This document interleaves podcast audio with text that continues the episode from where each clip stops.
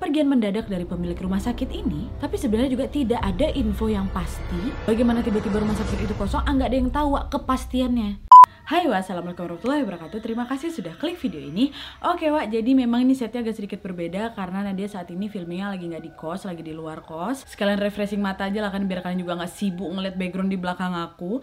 Dan di malam Jumat ini seperti biasa Nadia akan kembali membawakan sebuah cerita horor kalau sebelumnya aku sudah pernah bahas kisah soal Lawang Sewu yang ada di Indonesia, hutan Okigahara yang ada di Jepang, Bandara Suvarna Bumi yang ada di Thailand, dan di video kali ini Nadia akan menceritakan salah satu bangunan angker yang ada di Korea. Dan kisah dari bangunan ini juga termasuk request terbanyak dari Wawa semua yang pengen banget aku menceritakan soal rumah sakit jiwa Gonjiam ini, Wak. Dan juga sebenarnya nih ya, keangkeran dan keanehan dari bangunan tua ini dijuluki sebagai salah satu dari tujuh tempat terangker angker yang ada di dunia versi CNN Seperti biasanya kalau ada bangunan ditinggal lama, gak ada penghuninya, pasti akan selalu dipercaya oleh masyarakat sebagai tempat hunian makhluk-makhluk gaib ya kan. Sama seperti bangunan rumah sakit jiwa Gonjiam ini Wak. Karena memang bangunan ini sudah ditinggal terbengkalai berpuluh-puluh tahun, terus juga ditinggalkan itu tiba-tiba aja tuh dikosongkan tiba-tiba gitu. Nah hal inilah yang membuat banyak desas-desus yang merebak soal keangkeran dan keanehan dari rumah sakit jiwa ini Wak saking tersohornya bangunan ini bahkan juga ya di Korea Selatan bangunan ini merupakan bangunan terangker di sana Wak tapi justru ya seperti biasa, kehororannya ini menjadi daya tarik bagi warga lokal maupun luar Korea Selatan untuk mengunjungi tempat ini sekedar untuk melepaskan penasaran dan beruji nyali. Kabarnya nih ha, ada sekitar seribu pengunjung setiap tahun yang datang ke rumah sakit jiwa Gonjiam ini untuk merasakan kengerian atau sekedar beruji nyali di dalam situ. Nah, jadi gimana sih sebenarnya asal muasal dari bangunan Gonjiam ini? Acik Eh.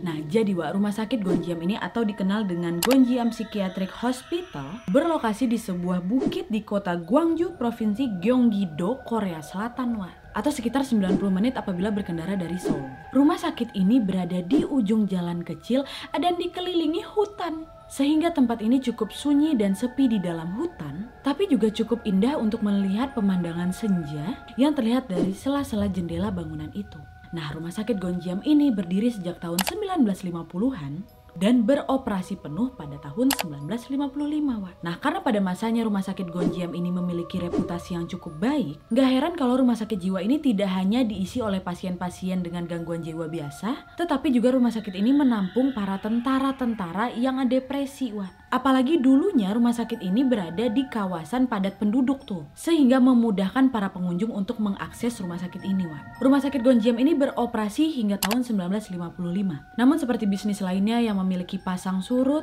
kepergian seorang pemimpin dapat membuat dan menghancurkan usaha tersebut kan. Nah sama nih kayak gini, ah, menurut legenda, pemilik dari rumah sakit Gonjiam ini memiliki gangguan psikis sehingga katanya dia ini banyak memenjarakan banyak pasien dan diketahui pula pada saat itu tingkat kematian tidak wajar para pasien yang ada di rumah sakit jiwa itu tiba-tiba meningkat nih Wak mengundang perhatian kepolisian Akhirnya ketika pejabat pemerintahan datang untuk memeriksa dan menyelidiki kasus-kasus kematian tidak wajar dari pasien-pasien yang ada di rumah sakit jiwa ini, ah pemilik dari rumah sakit jiwa ini ah, cabut ke Amerika, Wak. Dan pelarian itu dilakukan di tahun 1996 katanya, Wak. Saking terburu-burunya kabur nih, sang pemilik ini meninggalkan rumah sakit itu begitu saja. Dia tidak memindahkan semua perabotan atau barang-barang yang ada di rumah sakit tersebut, sehingga pada saat itu masih banyak barang-barang dan perabotan rumah sakit yang bisa ditemukan di rumah sakit Gonjiam ini, wah. Contohnya ya kayak kasur pasien, buku-buku, perlengkapan perkantoran, kursi, meja, kayak gitu. Ada tinggalinnya aja. Ini hampir sama kayak kisah Bandung Medical Center loh. Kalau kalian belum nonton, nanti nonton habis video ini, wah. Nah, kepergian mendadak dari pemilik rumah sakit ini membuat para perawat dan dokter aja dibingung lah ya kan. Ya mereka harus melakukan apa kepada pasien-pasien ini? Nah, ini nih, ah, menurut desas-desus yang beredar, Wak. Sejak saat itu, banyak pasien-pasien yang meninggal secara misterius Entah itu karena bunuh diri,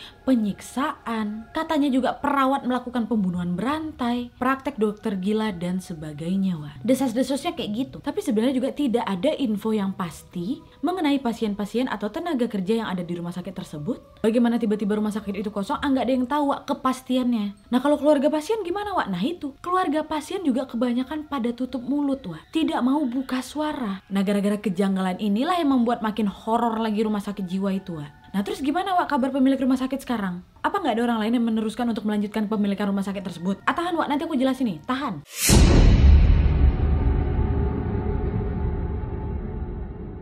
Terus semenjak ditinggalkan oleh pemiliknya di tahun 1996, keadaan rumah sakit ini makin terlantar, Wak. Setelah kurang lebih 20 tahun ditinggalkan, Saking tersohornya cerita-cerita seram dari rumah sakit ini, membuat CNN memasukkannya ke dalam salah satu dari tujuh tempat teraneh dan terseram di dunia, Wak. Terus nih ya, pada tahun 2011, bangunan rumah sakit yang terdiri dari lima lantai ini resmi ditutup oleh pemerintah setempat atas permintaan dari keluarga si pemilik. Tapi walaupun di depan bangunan rumah sakit itu sudah tertuliskan dilarang masuk, ah, tetap aja lebih dari seribu orang per tahun selalu mengunjungi bangunan tersebut diam-diam. Dan menurut pengakuan seseorang yang nekat masuk ke dalam bangunan itu, lokasi ini wak ya saking seringnya banyak orang masuk ke sana dipasangin CCTV. Kalian bayangkan lah tuh, bangunan tua udah ditutup dipasang CCTV sama pemerintah di sana. Gegara apa? Gegara banyak orang masuk diam-diam ini, Wak. Nah, hal ini diketahui dari pengunjung yang datang tadi. Selain itu, Wak, warga lokal yang tinggal dekat dari rumah sakit tersebut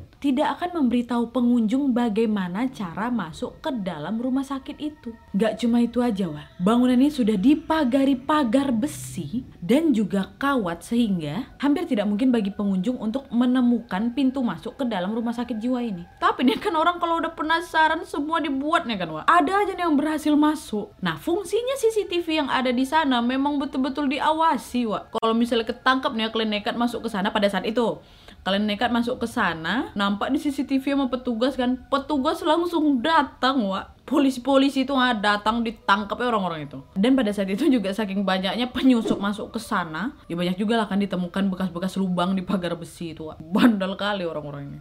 Nah kalau secara fisik wah, yang pasti hujan dan panas sudah merusak bangunan ini. Dari luar bangunan rumah sakit Gonjiam ini udah terlihat suram, kat dinding udah ngelupas, tembok yang hitam akibat lumut, tumbuhan liar yang kering dan mati, serta pecahan-pecahan kaca jendela yang berserakan. Saat menyusuri bagian dalam rumah sakit, wah, menurut pengunjung yang sudah masuk ke sana, kita akan merasakan perubahan udara yang saat ketara gitu loh dan juga udara yang ada di dalam rumah sakit tersebut busuk Wak. dan juga akan membuat paru-paru kita ini sulit untuk menghirup udara dengan baik Wak. dan juga Wak ya di dalam ruangan tersebut banyak genangan air minyak yang sudah bercampur sampah kemudian juga masih ditemukan kalender tahun 1996 kasur-kasur pasien yang masih utuh beserta kain spraynya buku-buku yang terbuka setengah seolah-olah pembacanya sedang menaruhnya sejenak untuk beristirahat bentar tirai halus yang masih digantung di jendela dan juga ditemukan di di ujung lorong rumah sakit tersebut masih ada kafetaria yang sudah hancur, Wak. Kayak kita nonton Walking Dead.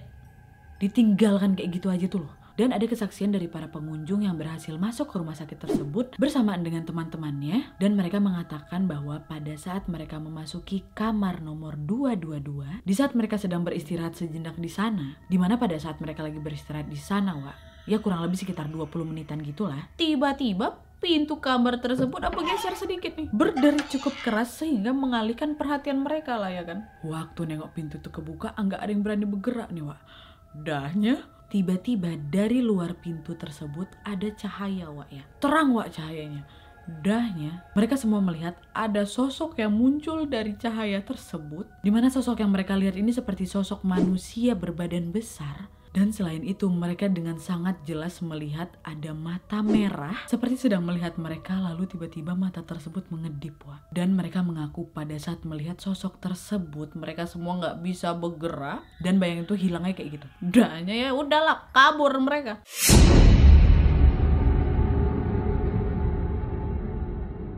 Nah, apa alasannya bangunan rumah sakit Gonjiam ini menjadi rumah sakit terhoror di dunia? Karena hampir seluruh pengunjung yang masuk ke dalam rumah sakit tersebut mengalami gangguan dari makhluk halus, Wak. Mereka sering mendengar suara teriakan minta tolong, suara orang menangis, gak cuma suara cewek, Wak, suara cowok juga. Dan banyak orang yang percaya bahwa suara teriakan atau tangisan tersebut berasal dari suara-suara pasien yang dulunya mati karena penyiksaan di rumah sakit tersebut, Wak. Tapi Wak selain itu ada juga rumor yang mengatakan bahwa kenapa rumah sakit itu ditutup gara direktur atau pemilik dari rumah sakit tersebut bunuh diri Wak. Bukan kabur tapi memang bunuh diri. Hanya saja dari permintaan keluarga meminta supaya kabar bunuh diri sang direktur ini nggak usah dipublish supaya menjaga nama baik dia juga gitu loh Wak. Tapi itu juga rumor belaka aja. Nah, ada juga yang mengatakan kalau alasan sebenarnya kenapa rumah sakit ini berhenti beroperasi dikarenakan pada saat itu ada peraturan pemerintah tentang perlindungan pasokan air sehingga pemerintah ini mengharuskan pihak rumah sakit untuk membangun pengolahan limbah yang baru ya kan. Tapi wah pada saat itu direktur rumah sakit serta pemilik bangunan itu keberatan wah gegara biaya pembuatannya nih asam cekcok waktu itu. Nah karena inilah makanya ditutup gitu wah. Kayak mana dia nih bangun rumah sakit bisa buat pengolahan limbah baru nggak mau. Dan juga rumah sakit Gonjiam ini karena kengeriannya sempat dijadikan film yang berjudul Gonjiam Haunted Asylum dan berhasil mendapatkan penonton yang sangat banyak di minggu awal penayangan film ini, Wak. Dan bahkan kesuksesan dari film ini mengantarkan film ini menjadi film terhoror kedua sepanjang sejarah film Korea, Wak. Dan kabarnya juga nih ya, katanya film ini bakal di remake di Hollywood loh. Nah terus gimana Wak kabar penerus dari pemilik rumah sakit ini? Katanya nih ya, sang pemilik rumah sakit ini punya anak laki-laki satu Wak, tapi dia tinggal di Amerika. Sehingga akhirnya nggak ada lagi orang yang mau meneruskan bisnis ini gitu. Gara-gara hal tersebut akhirnya Gonjiam ini berhenti beroperasi dan betul-betul terbengkalai lah kan. Sedangkan direktur terakhir dari rumah sakit Gonjiam ini sekarang sudah membangun rumah sakit sakit jiwa sendiri di daerah lain, Wak. Dan ada alasan lain kenapa rumah sakit Gonjiam ini terbengkalai karena ada faktor krisis ekonomi juga nih, Wak. Yang pada saat itu sempat melanda Korea Selatan dan dunia, sehingga pada saat itu juga mempengaruhi kondisi finansial dari rumah sakit jiwa Gonjiam ini, Wak. Nah, pemerintah Korea Selatan kan lumayan tegas kan, Wak. Mereka betul-betul melarang keras masyarakat untuk masuk ke rumah sakit jiwa ini. Tapi yang jelas ada alasannya, Wak. Bukan karena menyeramkan sebenarnya. Tapi alasan sebenarnya adalah karena bangunan ini milik perseorangan. Dan memasuki bangunan yang bukan bangunan umum, hukumnya adalah ilegal menurut Undang-Undang Korea Selatan pasal 3 ayat 9, Wak. Selain itu juga warga sekitar di sana itu selalu melapor ke polisi karena merasa terganggu oleh pengunjung-pengunjung yang datang ke sana malam-malam buta berisik sehingga mengganggu ketenangan mereka pada saat tidur di malam hari, Wak. Dan saat ini rumah sakit tersebut bukan cuma ditutup lagi, Wak, udah dihancurkan yaitu di tanggal 28 Mei 2018 atas permintaan warga setempat, pemerintah pun mulai melakukan penggusuran dari rumah sakit jiwa Gonjiam ini. Oke Wak, jadi itu tadi kisahnya gimana menurut kalian? Sebenarnya juga informasi seputar rumah sakit jiwa Gonjiam ini memang gak terlalu banyak Wak. Aku juga mengalami sedikit kesulitan waktu nyari informasi soal rumah sakit ini karena dikit kali. Jadi cuma informasi itu aja yang bisa aku sampaikan. Tapi nih ha, kalau misalnya Wawa di sini ada informasi tambahan seputar rumah sakit Gonjiam ini, atau mungkin ada yang sudah pernah berkunjung ke sana, gimana pengalaman kalian? Gimana ceritanya? Ah, boleh komen di bawah, Wak. Oke, Wak. Jadi sekian dulu videonya. Terima kasih yang sudah menonton. Kalau kalian suka video ini, klik like ya. Jangan lupa komen di bawah untuk ide dan saran-saran untuk video selanjutnya. Jangan lupa nyalain notifikasinya supaya kalian tahu kalau aku upload video baru. And as always, jangan lupa untuk klik tombol subscribe supaya kalian sama-sama tahu informasi menarik dan menegangkan dari channel aku. See you next video, Bye.